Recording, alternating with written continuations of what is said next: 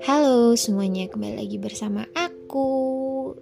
Sekarang udah di pertengahan Maret mau akhir. Tanggal 20 Maret, hari Minggu.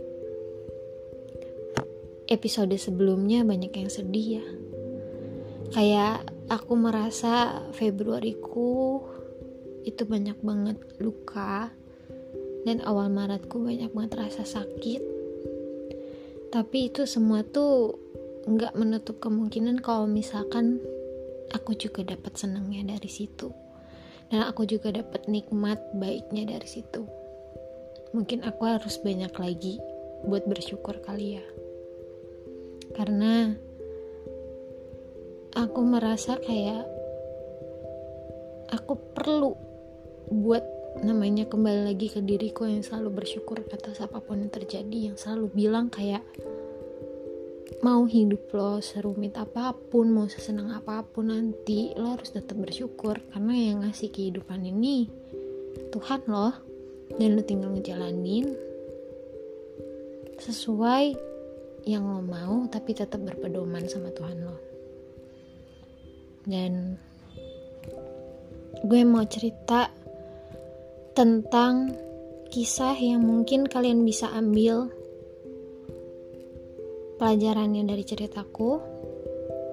Dan aku di sini mau bilang kalau aku percaya banget sama yang namanya takdir nggak bakal ketuker. Oke waktunya aku cerita. Jadi sekitar tahun 2021 di mana aku ketemu banyak orang dari berbagai macam daerah? Teman virtualku. Aku kenal lebih dalam teman RL ku dari 2021 sampai 2022 dan selama itu semua aku ngalamin kejadian yang bener-bener ngubah pola pikirku soal takdir. Yang awalnya aku tuh sempat kayak ya udahlah udah takdir. Kayak ya udahlah. Padahal sebenarnya kayak doa. Doa. Doa bisa banget ngebalikin. Nggak deh nggak mungkin sih di dunia ini. Meskipun katanya takdir itu ketetapan tapi takdir nggak pernah salah dan nggak pernah ketukar awal ceritanya ini bulan sekitar Juli Agustusan pokoknya antara Juli Agustusan aku ketemu satu teman aku dari daerah Sulawesi. Dia teman onlineku kita awal kenal kayak memang masih jaim-jaim kayak cuman bicara ngobrol kayak akrab aja lah gitu kayak biasa dan aku ngerasa aku sama dia memang dapat banyak pelajaran sih. Bahkan aku sampai amazed sama dia gitu loh. Dia ngajarin aku soal kayak gini. Sesepinya hidup loh lo masih punya Tuhan loh. Mau itu nantinya lo bakal ditinggalin siapa pun yang sekarang lagi ada sama lo Tuhan lu gak pernah ninggalin lo dia selalu bilang kayak gitu dan bahkan dia nitipin pesan kayak ya lonely kesepian dan merasa kesepian itu wajar dan sendiri tanpa ada teman ataupun kekasih juga wajar dan lo masih bisa ngelanjutin hidup lo ke depannya. Tapi lo harus ingat kalau Tuhan itu selalu ada buat lo. Mau keadaan lo kayak gimana pun tetap Tuhan yang bisa nerima lo dan nemenin lo. Kadang manusia tuh munafik. Bilang katanya iya gue mau nemenin lo sampai kapan pun. Tapi di tengah perjalanan dia ninggalin lo. Karena mungkin satu kesalahan lo yang dia nggak bisa maafin. Karena manusia sama Tuhan beda jelas-jelas. Dan saat itu akhir Agustus aku kehilangan beberapa orang yang ngasih pelajaran penting buat aku dan salah satunya dia orang dari Sulawesi dan satu lagi temanku juga dari Surabaya. Perempuan. Yang satu laki-laki yang dari Sulawesi satu lagi perempuan dari Surabaya dan ada satu lagi yang memang dia berdomisili di Jakarta tapi kita nggak pernah ketemu dan cuman ketemu di Twitter. Mereka bertiga kenapa aku masih ingat sampai sekarang? Karena aku merasa mereka juga ada peran pentingnya di hidupku. Aku tuh merasa kayak setiap orang yang datang ke hidupku tuh bukan asal lewat aja bukan asal kenal aja.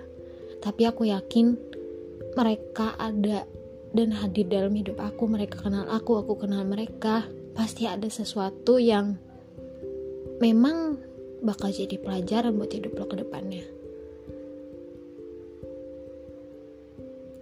Dan si teman perempuan gue di Surabaya ini dia ngajarin aku kalau misalkan hidup tuh harus tahan banting. Cobaan lo emang banyak.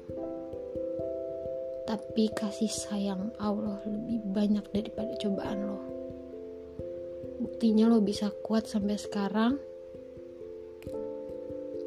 Padahal kayak penopang hidup lo itu udah nggak ada. Jadi si temen gue ini dari Surabaya ibu sama ayahnya udah nggak ada. Dan dia merasa kayak hmm, hidup dia tuh bener-bener nggak -bener tahu ke arah mana. Tapi dia terus berpedoman dan terus pegang teguh. Kayak nggak ada siapa pun di sekitar dia tapi Allah ada buat dia.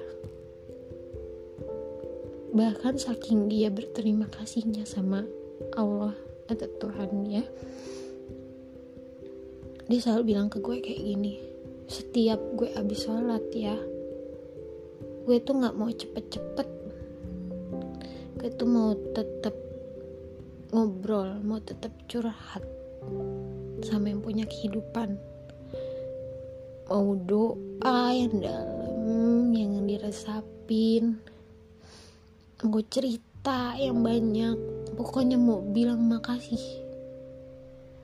Dia selalu bilang kayak gitu. Gue nggak pernah mau kalau misalkan abis sholat tuh langsung cepet-cepet kayak gitu.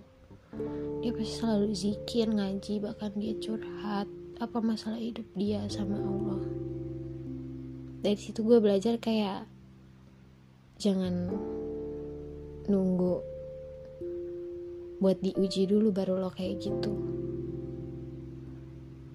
Lo mau hidup lo sukses lo mau hidup lo lancar ya lo deketin Tuhan lo lo deketin Allah.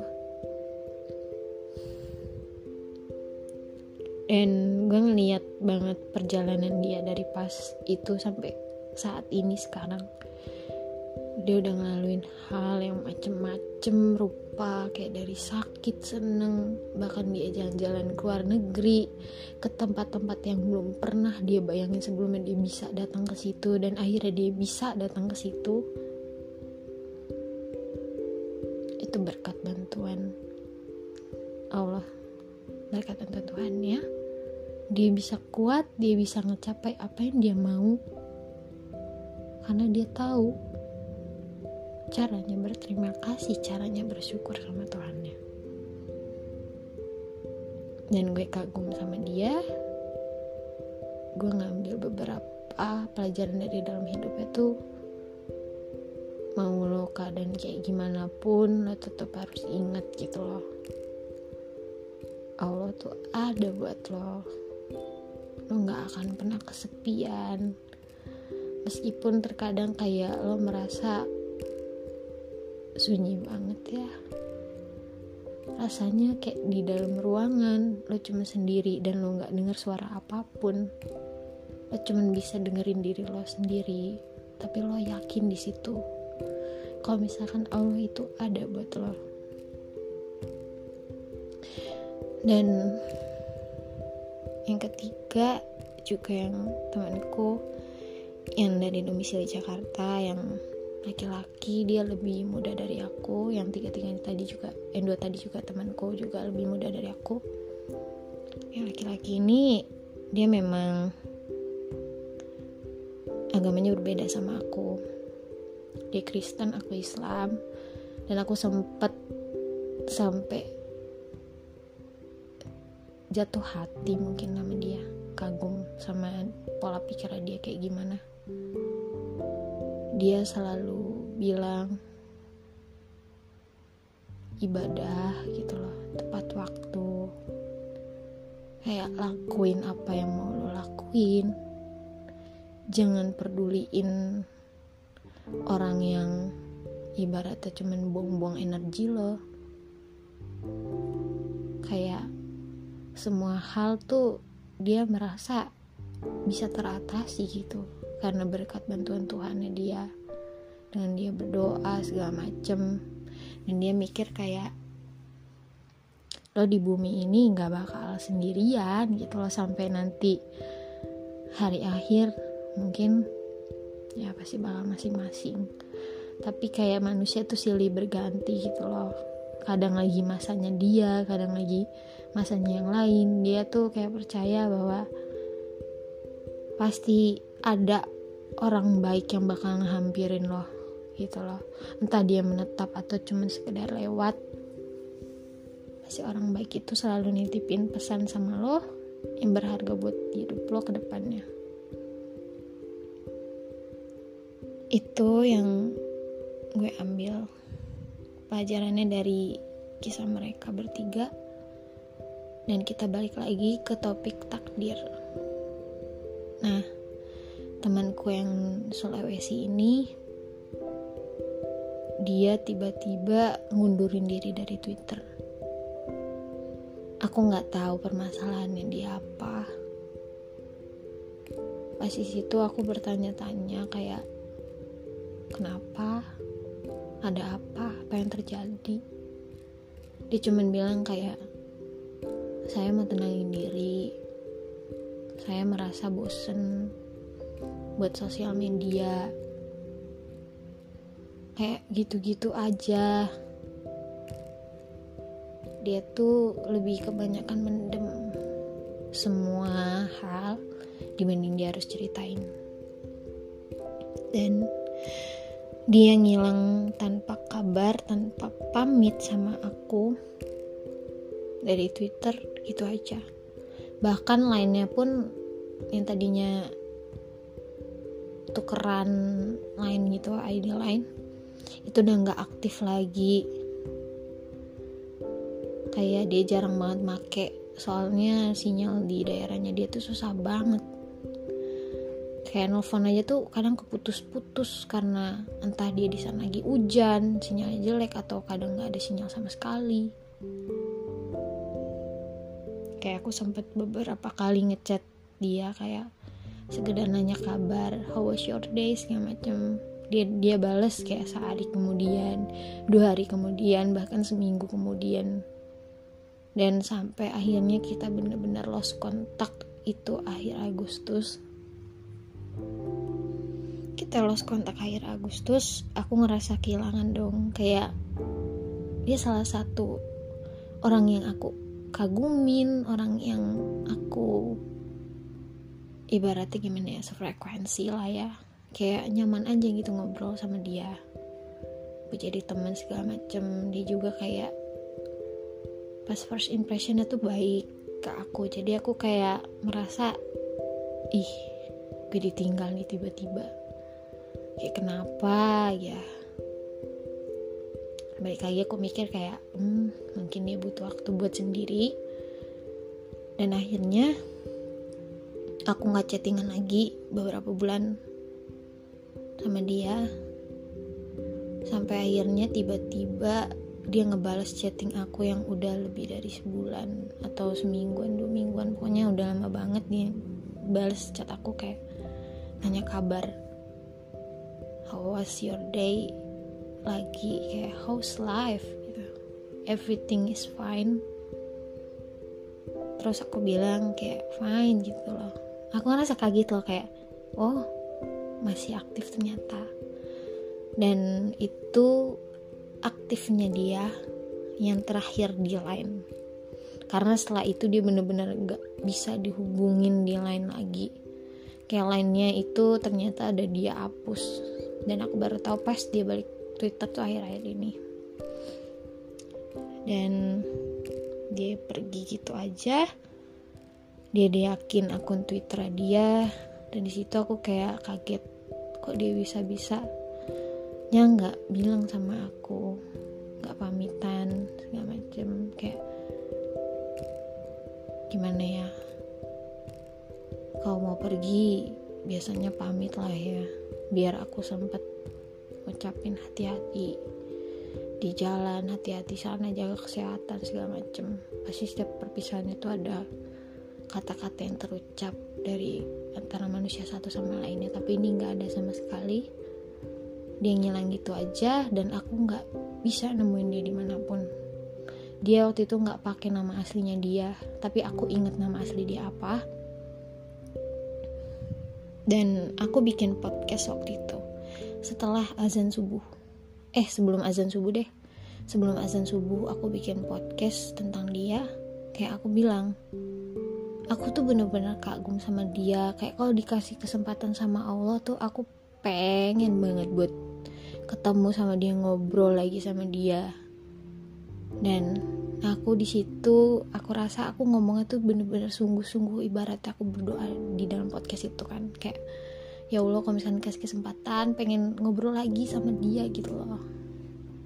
Soalnya kayak enak aja ngobrol sama dia nyambung. Dan beberapa hal juga sempat kita bahas. Dan dia ngilang seiring berjalannya waktu dari Agustus sampai akhir tahun dan awal tahun. Saat itu aku ketemu sama banyak orang yang bahkan ada kejadian juga yang aku nggak nyangka terjadi dalam hidup aku dan tiga-tiganya temanku ini yang dari Sulawesi, Surabaya, dan dari Jaksel ini pergi dari hidup aku. Ibaratnya kita udah jarang lagi tegur sapa bahkan gak pernah beberapa bulan. Kayak interaksi pun cuma sedikit doang. Bahkan kayak di Sulawesi juga susah buat interaksi. Dan si yang di jadi Jakarta Selatan itu juga dia mundurin diri dari Twitter dan aku nggak tahu sekarang kayak dia ngapain dia ke mana dia belum ada kabar sama sekali. Nenek di Surabaya aku masih tetap kontekan di WA sama di IG tapi cuman nggak intens kayak dulu lagi. Karena aku memahami mungkin sekarang kayak sama-sama sibuk terus kayak apa yang perlu dibahas lagi dan ada beberapa memang problem yang nyebabin kita buat jadi renggang kayak gitu.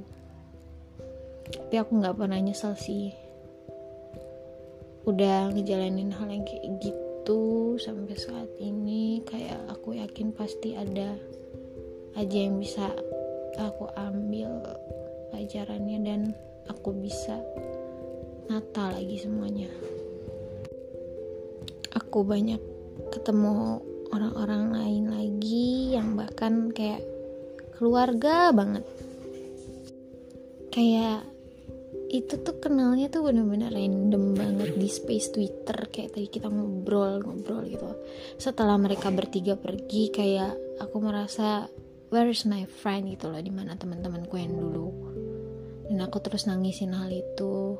Padahal kayak beberapa memang dari penyebab mereka pergi juga ada karena aku. Dan di situ aku ketemu circle temen lagi yang baru yang kayak keluarga bahkan lebih baik daripada sebelumnya. Sebelah sehah. Ini aku mention ya nama circle. Di situ isinya ada beberapa orang dewasa yang memang udah bener-bener tahap apa ya kalau di kuliah tuh. Di kuliah tuh tahap struggle hidup terakhir ibaratnya mahasiswa skripsian lah ya pejuang sarjana. Dan pokoknya di circle itu isinya banyak orang dewasa yang ngasih pelajaran kalau hidup tuh jalanin aja gitu loh. Sebaik mungkin kayak sebisa kamu gitu loh. Ini juga banyak di circle ini juga kayak banyak ngasih dampak positif dibanding circle sebelumnya. Bahkan kita sampai meet up di tahun ini di bulan Februari kita up sama berapa dari circle sebelah saha ini. Dan ya benar manusia itu silih berganti. Dan aku yakin banget apa yang pergi sama yang baru datang itu pasti ada bedanya. Yang pergi biarin aja udah pergi. Yang datang baru lagi ya biarin aja terima aja. Terima dan lepasin aku percaya banget sama kata-kata kayak Allah mengambil sesuatu darimu itu bakal digantikan sama yang lebih baik lagi. Nah itu benar adanya. Aku mungkin nggak tahu ya kalau misalkan aku masih tetap stay sama circle lama aku dan mereka bertiga tuh nggak pergi, mungkin aku nggak bakal buat circle yang seblak sahah ini dan nggak bakal kayak sedekat sedekat sekarang sama si seblak sahah ini. Dan itulah takdir tuh kadang kayak lucu kadang kayak bercandanya keterlaluan kadang kayak nguji mental kayak macem-macem takdir tuh. Dan tiba-tiba kita udah ibaratnya di interaksi lama lah ya di space ngobrol-ngobrol segala macem. Bahkan aku nggak pernah nyangka kalau di awal tahun aku dapat surprise yang sangat luar biasa dan aku tidak menyangka akan hal itu. Wow. Awal akhir tahun tuh mepet-mepet. Pokoknya 2021 akhir mau ke awal itu tuh bener-bener kayak titik putar balik kayak hidup aku tuh kayak di situ. Aku aku sempat masuk space yang lagi rame soal ngebahas pelecehan seksual gitu. Dan aku kepikiran aku punya beberapa temen yang memang berpengalaman dalam hal psikolog gitu. Kalau misalkan aku ngadain space dalam ngobrol buat curhat-curhat curcol gitu kan sama temen gue yang memang dari sebelah saha ini yang memang kayak dia mempelajari ilmu tentang psikologi. Dan wow wow wow ini gak terduga di mana tweet aku yang mau ngadain ruang obrolan terbuka sama temanku yang memang berpengalaman di bidang psikologi ini. Itu di retweet lebih dari 18.000 orang. Di like juga lebih dari 18.000 orang. Pokoknya aku nggak expect kalau misalkan itu rame banget di twitter. Bahkan sampai ada mahasiswa skripsian tuh yang memang mau ngambil penelitiannya dari situ aku nggak nyangka aku bisa ngebuat space dan sebagai moderator di situ kayak aku juga nggak ada pengalaman apa-apa. Tapi aku kayak jangan coba aja dulu loh. Kayak siapa tahu ini buat pelajaran ke depannya mungkin ada sesuatu ada gimana. Pasti di balik hal itu ada pro kontranya tapi aku lebih mikirin yang positifnya dan negatif aku pelajarin lagi masukan kritik saran dari orang-orang sekitar di situ banyak banget nguji mentalku sih. Kayak aku harus berhadapan sama 3000 pendengar di space. Dan semua 3000 itu tahu. Akun twitterku. Dan awalnya tuh followersku ada empat ribuan atau sekitar tiga ribuan kayaknya tiga ribuan. Itu tiba-tiba membludak jadi lima ribu lebih enam ribu tujuh ribu deh waktu itu. Tujuh ribuan enam ribuan followers dalam satu hari itu.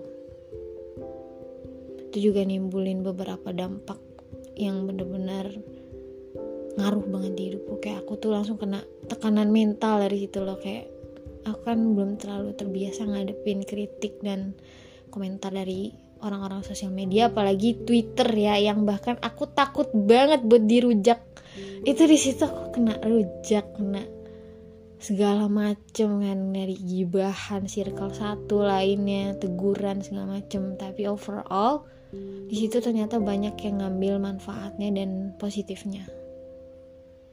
Kayak mereka bilang makasih karena aku udah ngebuka ruang kayak gitu biar bisa speak up. Dan mereka juga dari situ juga dapetin teman-teman yang peduli dan care sama mereka dan dari situ juga aku ketemu sama si temanku yang menghilang itu yang dari Sulawesi itu yang tiba-tiba ngilang dari Twitter itu. Aku ketemu dia tapi pasti tahu nggak nyadar itu dia. Dia tahu ternyata aku ngadain space macam itu. Aku awalnya curiga sama nama penggunanya itu loh dan itu namanya bener-bener aku masih inget itu nama asli dia dia naruh nama asli dia tuh di account twitternya ini. Tapi aku ragu kan takut salah orang. Jadi kayak ya udahlah kayak aku merasa kayak nggak mungkin gitu loh dia balik lagi kucuk-kucuk terus tahu. Dia masih inget aku gitu loh di situ kayak beberapa bulan dah lost kontak aku pikir dia lupa sama username twitterku dan ternyata dia masuk space yang 3000 itu. Dan dia bilang ke aku I'm so proud of you. Kayak lo keren banget bisa ngomong di platform yang katanya gampang rujak. Dan 3000 orang gue hadepin di situ. Dan gue nggak tahu ada artis atau enggak yang masuk space gue. Kayak gue tuh bukan bocah terkenal gitu enggak kayak memang apa ya sebelumnya juga sempat ada space rame kayak gitu sih tapi bahas soal K-pop. Ini kayak bahas putar itu mungkin kayak orang paling interested gitu dan pembawaan gue tuh juga lumayan pas awal. Bahkan palet gue tuh penuh banget lebih dari 100 isian cerita.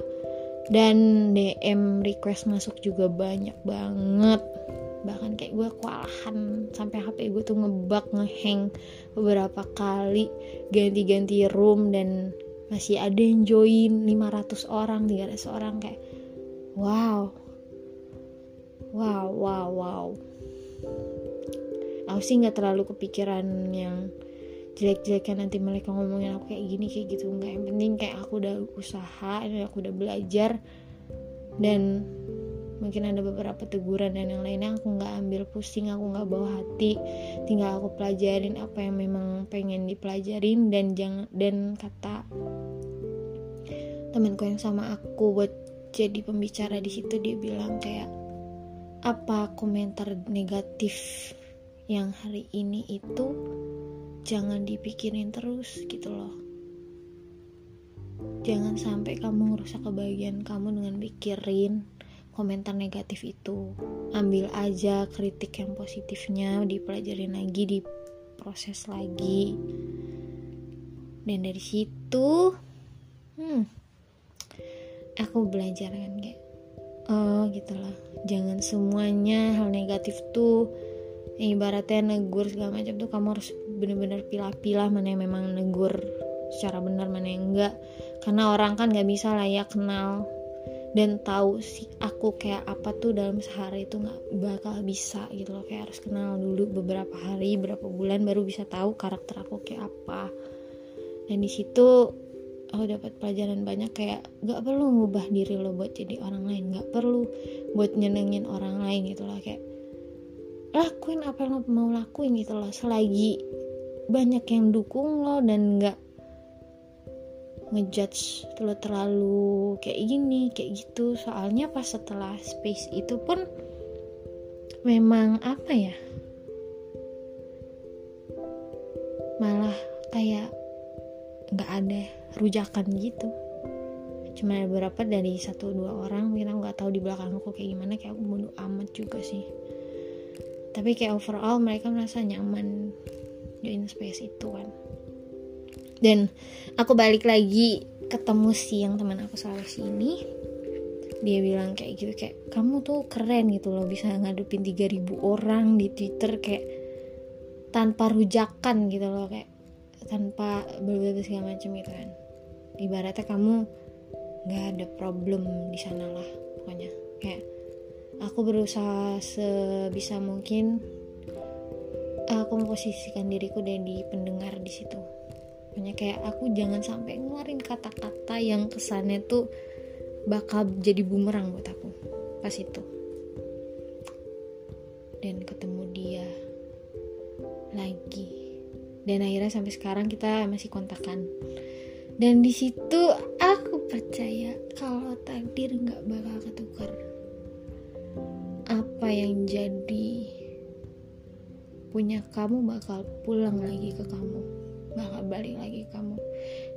Teman-teman mau dia nanti mencar kayak gimana pun kalau memang dia ditakdirin buat jadi temen lo lo bakal ketemu lagi gitu loh. Entah nanti kayak di kondisi kayak gini kayak gitu nggak ada yang tahu. Dan itu juga aku nggak ada rencana mau ketemu dia segala macam. Aku nggak ada pemikiran semacam itu. Aku bahkan nggak expect kalau misalnya dia nemuin Twitter aku nemuin spaceku kayak lagi rame gitu. Dan aku juga nggak bakal expect kayak dia masih ingat aku segala macam kayak.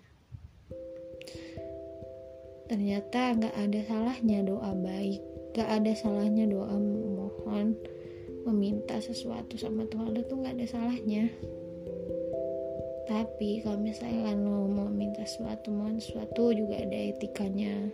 Bagaimana cara buat minta atau memohon sama Tuhan. Tuh pasti ada caranya tata caranya masing-masing. Di situ diem dan mikir kayak ternyata semesta itu sebercanda itu sama hidup gue. Ya sampai aku ketawa loh kayak wow gitu. Ketemu lagi gitu loh. Dan rasanya campur-campur aduk sih. Senang karena dia balik lagi satu lagi karena dia udah berubah. Dia udah beda dari yang sebelumnya itu gue kenal. Dia bener-bener beda. Dia ternyata selama senggangnya dia yang dia bilang kayak mau me time segala macam itu dia bener-bener nge-upgrade diri dia. Dia bener-bener kayak bisa. Dia tuh dulu orangnya jarang mau ngomong gitu lah di depan publik sama aku tuh. Kayak nge-space tuh cuman ngomong singkat doang kayak oh iya oke okay, gitu gitu tapi kita lanjut chat di DM sama di lain itu dia banyak ngomong tapi cuman gak terlalu banyak sebanyak yang sekarang. Pokoknya dia beda banget deh. Kayak dulu tuh terkesannya tuh kayak agak cuek tapi sekarang tuh kayak bener-bener humble kayak orang yang aku kira dia introvert itu sekarang dia mungkin jadi extrovert ya kayak wow gitu loh. Aku kadang kayak aku langsung nanya sama dia e, ini kamu beneran? Iya gitu loh. Udah banyak yang berubah ya dari saya gitu. Terus kata dia iya banyak yang berubah dari kamu gitu kan. Terus dia bilang kayak ya nggak mungkin juga gitu loh menempatkan diri di posisi itu itu aja atau ngestak di situ aja. Dia mikir kayak dulu tuh dia sendirian dia nggak punya temen dia cuma punya temen gue doang di Twitter. Kayak dia tuh nggak interak nggak terlalu deket interak sama orang lain tapi pas sekarang gue ketemu sama dia temen dia banyak bahkan banyak yang tahu dia. Dan bahkan temen gue yang di Twitter itu juga tahu dia. Kayak wow dan di situ dia bilang kayak iya nge-upgrade diri. Dia bilang dia nggak bisa terus-terusan di situ. Karena kalau dia terus-terusan di situ dia nggak dapetin siapa pun di di sisinya. Ibaratnya kalau dia tetap stuck di situ jadi kayak gitu dia nggak bakal dapet teman sama sekali dia bilang. Gue bakal terlalu gue bakal terus ngerasa kesepian. Gue bakal terus kayak jadi orang yang haho haho doang kata dia gue terus terusan jadi orang kayak gak bisa ngomong apa yang pengen gue omongin cuman kayak diem takut. Kalau misalnya ngomongin yang dia omongin itu salah apa gimana.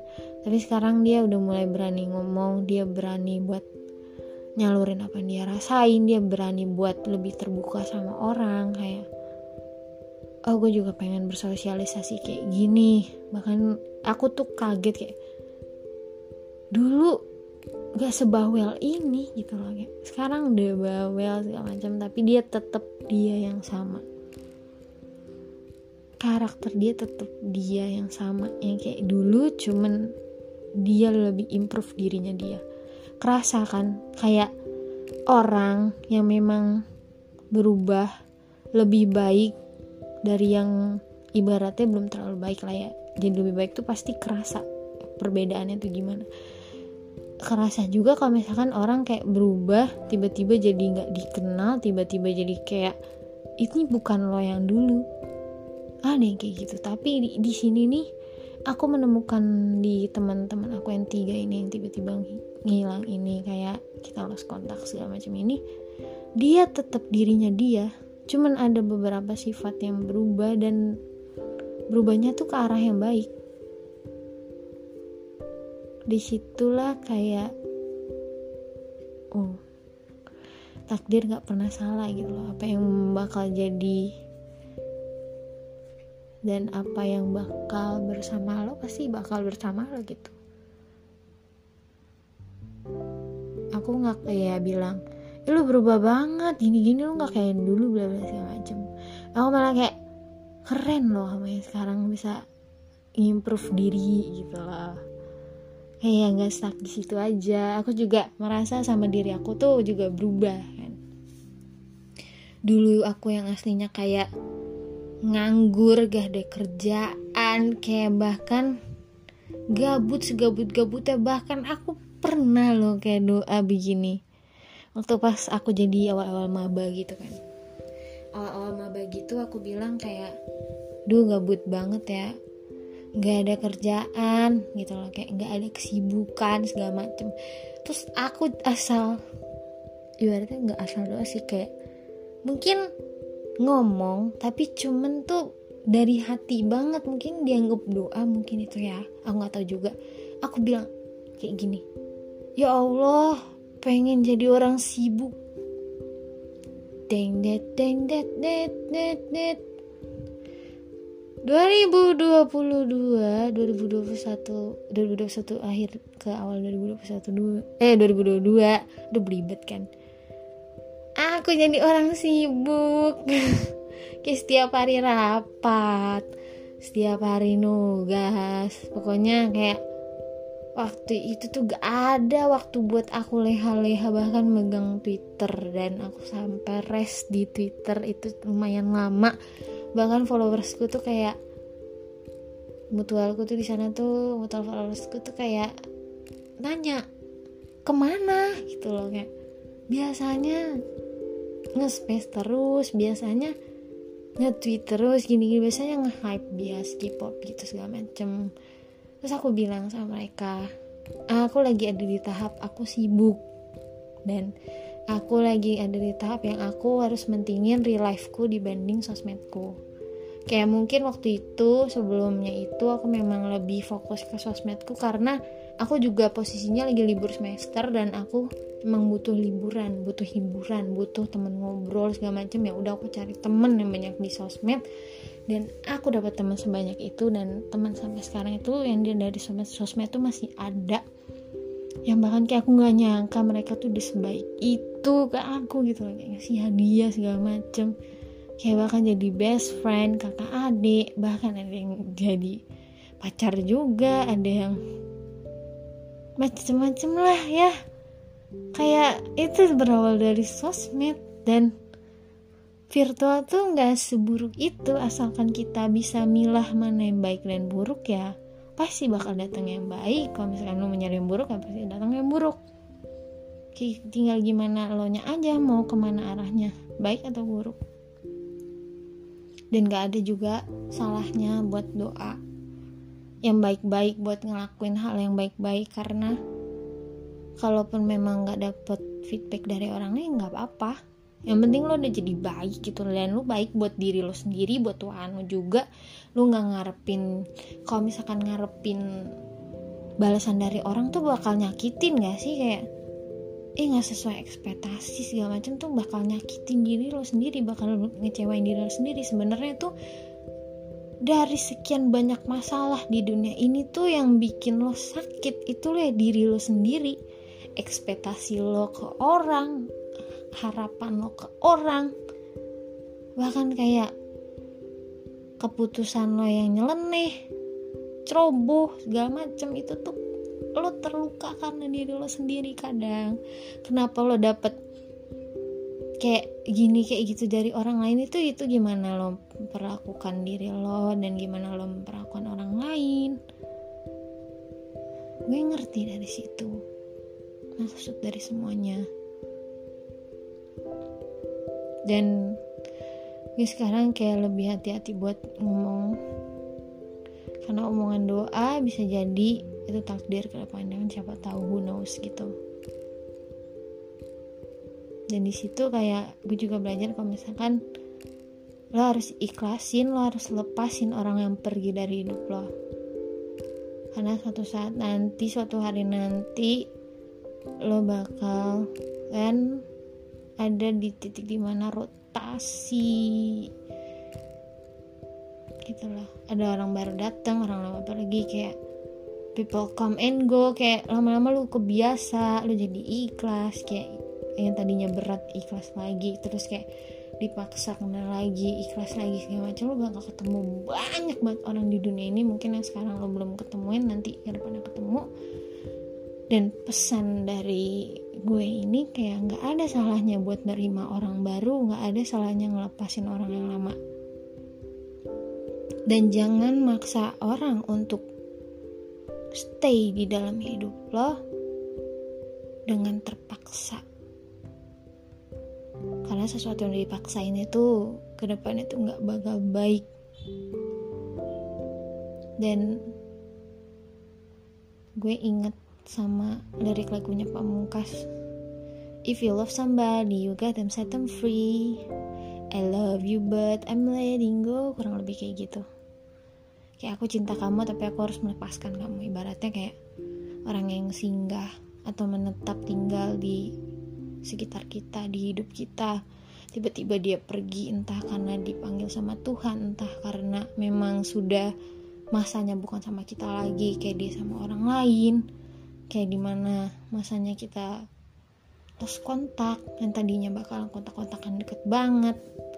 Tapi di sini harus inget apa yang udah jadi takdir lo nggak bakal ketuker. Lo bakal bisa ketemu lagi nanti.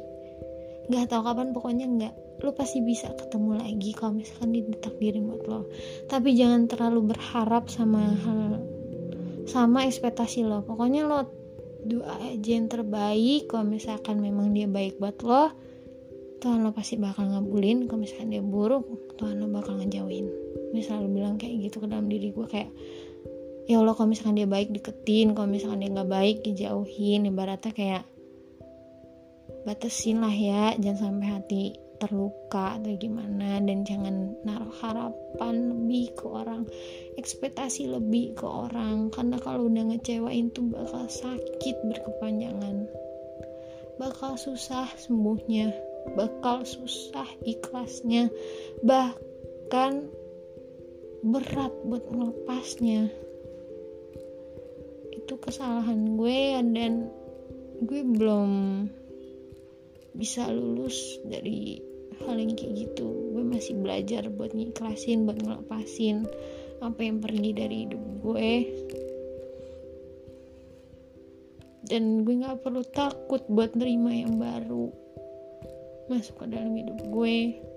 Padahal gue juga udah belajar dari yang sebelum-sebelumnya. Kalau misalkan people come and go means dia kadang ngasih pelajaran dari dalam hidup lo, lo jangan pernah nyesel buat nerima orang baru dan ngelepas orang lama kalau memang udah jadi takdir lo bakal punya lo. Mau dipisahin kayak gimana pun sama dunia. Kalau memang buat lo pasti bakal ada sama lo. Itu mungkin yang bisa gue ceritain ke kalian. Gue juga sekarang masih berproses buat ngelepasin orang yang bener-bener ibaratnya masuk ke hati gue lah ya anjay. Karena tadi gue bilang kan ada beberapa dari virtual yang memang ada yang jadi family ada yang jadi best friend ada yang jadi pacar. Dan dari beberapa dari mereka tuh ada yang memang masanya sekarang tuh udah nggak sama gue lagi. Dan gue harus bisa ikhlas ngelepas mereka gitu loh. Kayak mereka juga punya kehidupannya mereka juga punya mimpinya mereka juga punya takdirnya. Mungkin dengan kayak gini dengan Tuhan ngambil mereka dari dalam hidup gue bukan berarti hidup gue tuh bakal kayak gini kayak gitu. Pasti gue yakin bakal diganti yang lebih baik lagi atau kita ada jeda kayak lagunya tulus hati-hati di jalan. Lo ngelanjutin perjalanan lo gue ngelanjutin perjalanan gue kalau memang kita benar-benar ditakdirin bareng. Kita bakal ketemu di satu tempat yang gak bakal diduga. Kayak pengalaman hidup sebelum-sebelumnya. Pasti itu. Lo cuman tinggal doa dan taat sama Tuhan lo. Dan percaya kalau misalkan Tuhan ataupun Allah itu udah ngasih skenario yang terbaik di dalam hidup lo. Pasti itu. Lo ngelakuin kebaikan lo bakal dapet kebaikan ke depannya. Dan gue mau bilang makasih sama orang yang datang dan pergi ke dalam hidup gue. Kayak gue bersyukur karena lo dan gue nggak pernah bilang nyesel gue ketemu sama lo. Mau lo ngelakuin hal jahat ke gue mau lo sebaik itu gue tuh gue nggak bakal nyesel gak bakal nyesel. Gue dari dulu kayak gitu sih memang. Dari zaman SMP SMK tuh kayak emang nyakitin tapi cuman gue nggak nyesel gitu loh. Kayak dengan lo datang dan pergi gue dapet sesuatu dan gue juga bisa belajar sesuatu segala macem. Jadi nggak ada yang sia-sia di dalam hidup ini meskipun lo kadang pengen kayak dia stay terus dong sama gue. Nggak bisa maksain kita nggak bisa maksain hidup itu sesuai mau kita. Jalanin aja ambil baiknya buang buruknya. Jangan terlalu peduliin yang nggak nguntungin dalam hidup lo. Jalan terus lurus usaha yang terbaik. Ibaratnya kalau lo ngandelin Tuhan di setiap usaha lo gue yakin gak ada yang sia-sia. Gue nggak dakwah gue nggak menggurui di sini gue cuman mau ngasih pengalaman yang pengen gue kasih ke kalian. Kita belajar bareng-bareng buat ikhlas kita belajar bareng-bareng buat nerima apa yang datang dan pergi. Semoga itu yang terbaik buat semuanya. Amin. Gue atau aku iya suka campur-campur undur diri dan kita ketemu lagi di podcast episode selanjutnya yang mungkin bahkan lebih banyak pelajaran lagi. Maybe kita nggak tahu ke depannya bakal kayak gimana. Kita doa yang terbaik. Aku doa buat kalian semua pendengarku yang terbaik. Bahagia. Lakuin yang mau kalian lakuin. Jaga kesehatan. Jangan sampai sakit. Kalau kalian ngerasa capek kalian istirahat jangan dipaksain. Istirahat tuh dalam bentuk apa aja terserah kalian mau kalian ngelakuin hal yang kayak gimana kayak terserah. Pokoknya jernihin pikiran kalian jangan sampai nyerah di tengah perjalanan. Karena perjalanan masih jauh jangan nyerah jangan pulang sebelum dijemput. Jangan nyerah sebelum dijemput setiap manusia punya umurnya buat dipanggil sama Tuhannya. Jangan ngeduluin. Biarin sesuai aja alurnya. Percaya deh. Kalau lo baik Tuhan pasti bakal baik ke lo. Oke dadah